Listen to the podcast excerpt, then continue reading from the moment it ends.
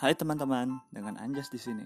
Setiap Rabu dua minggu sekali, gue akan bercerita dan berbagi mengenai kiat-kiat menjadi adaptif di zaman penuh perubahan. Hope you enjoy it dan semoga bermanfaat. Ciao.